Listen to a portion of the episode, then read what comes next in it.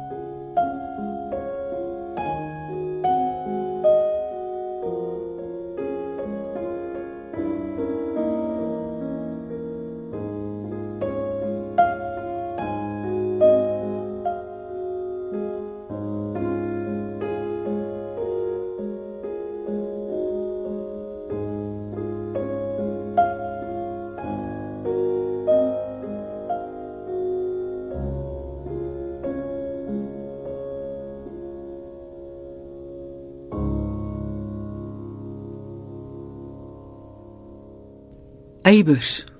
Ja. Verhaal. 'n Hele lewensverhaal in 3 kort strofes. Ja. En wat vir my wonderlik is in die gedig, jy kan jou eie storie daarom bou. Verhaal. 'n Vrou het stil geword van baie wag. Die aarde het gegly deur die spiraal van dag na nag. Was beurtelings groen en vaal. En sy het soms gehuil en soms gelag. Ook was sy dikwels wakker in die nag. Maar sy het in haar woning en op straat gewoon gehandel en gewoon gepraat. En niemand het geweet hoe dat sy wag. Verlange word aanvaarding langsam aan. Want wag is beurtelings hoop en wanhoop tot die twee versmelt en stilte alleen bestaan. En deur die jare het sy self die slot van die verhaal geword. Haar stilte en krag was skoner as die ding waarop sy wag. Een van ons mooistes. O baie beslis, baie beslis. Ja. Maar ons het nog 'n Eybers. Gelukkig nog 'n eibers en weer eens 'n verhaal met die titel Klein ballade. Toe het hy stil uit die nag verskyn, geraam in die donker deurkusyn. Met hande wat skie en aarslend was, het hy langsaam haar voorhoof in slape betas. Die sagte woord wat hy oor en oor gefluister het, het sy skaars gehoor. En van daardie uur kon nie een van die twee vroeër of later rekenskap gee. Soos een wat 'n kind teen die donker en kou beveilig, het sy hom vasgehou. En al die rustige dinge gesê waarmee 'n mens 'n kind in die wieg neerlê. Maar hy het 'n diepe sug geslaak en sy liggaam van hare losgemaak. Met 'n enkele groet het hy daarvandaan soos hy gekom het weggegaan.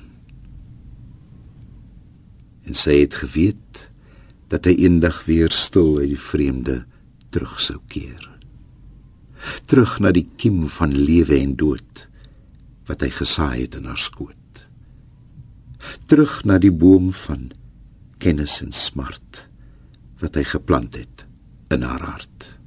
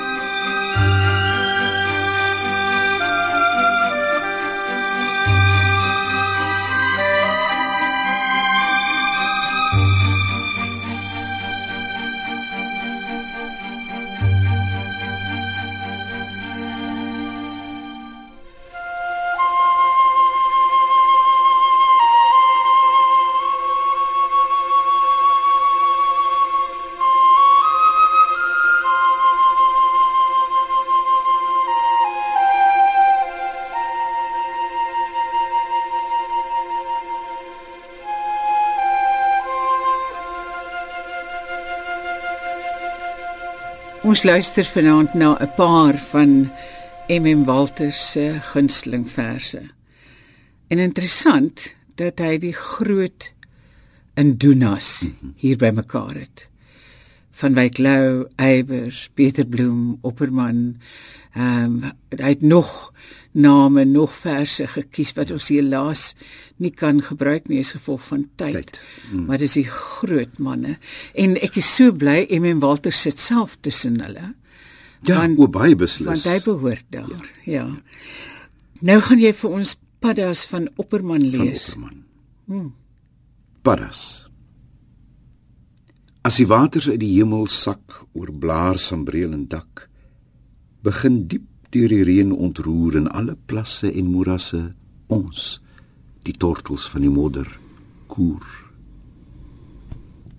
Ons voel op nuut sy gees soos in die begin uitsweef en uit die eerste modders opgewek hervat ons klein onwys terwyl ons skel of prys die onvoltooide groot gesprek die eerste helderhede wyk en alles word bedek met slyk tussen die bissies van die stede uit deur die lang nag waak terwyl die ander slaap reig ons die stringe liggies van die kuit. Ons mik nog na 'n mot dan hoor ons die bevel van God. Spring uit elke sloot en krepelbos in kombuis in room in elke bed in elke droom tot farao my gevange volk verlos. Ons wat uit die slaim berg en ster bereim roep oor die borreling van die moeras deur die eeue in ons sange toesang en teesange op hom die groot hosannas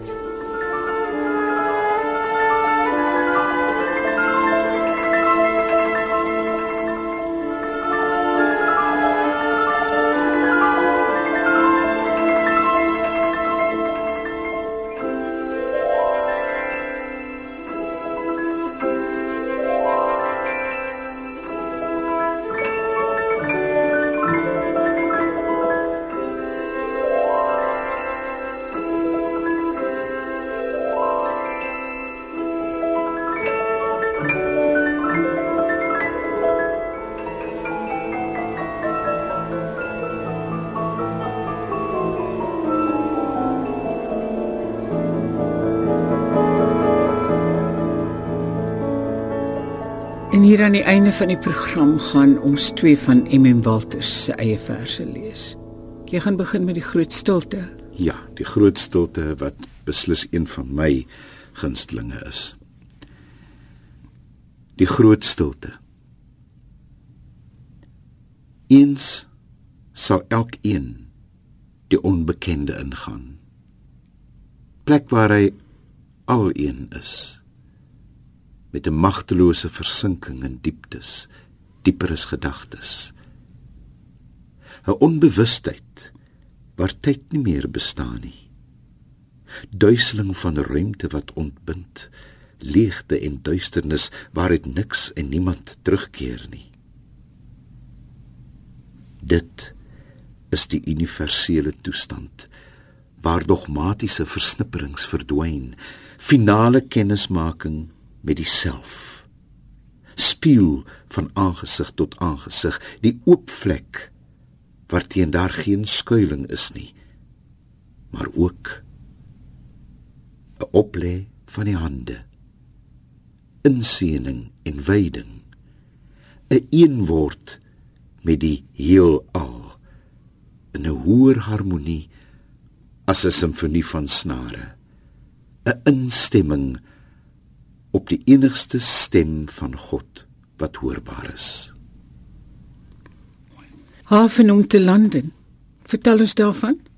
Die laaste vers ongelukkig 'n uh, pragtige vers wat en ook sy huis in Simonstad dra die naam 'n haven om te landen. En vanuit sy sitkamer het jy hierdie pragtige uitsig uh, wat hy ook in die gedig skilder. Oor Valsbaai. Oor Valsbaai haven om te landen.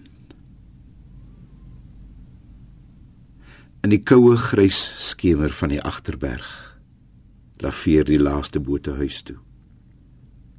Dun wit seile in 'n wintersee soek na 'n haven om te landen. Die meeuwe trek saam op duikersklip, dig teen die donker en die wind. En oor die water hang 'n hunkerende roep na 'n haven om te land. Die stompneus van die steenberg los op tussen see en lug. Die nag word swart sonder lig wat wink na 'n haven om te land. en ou herinneringe en vertwyfeling sak oor my soos 'n swaar seemis. En heel nag deur dreun die branders. En nêrens is 'n haven om te lande.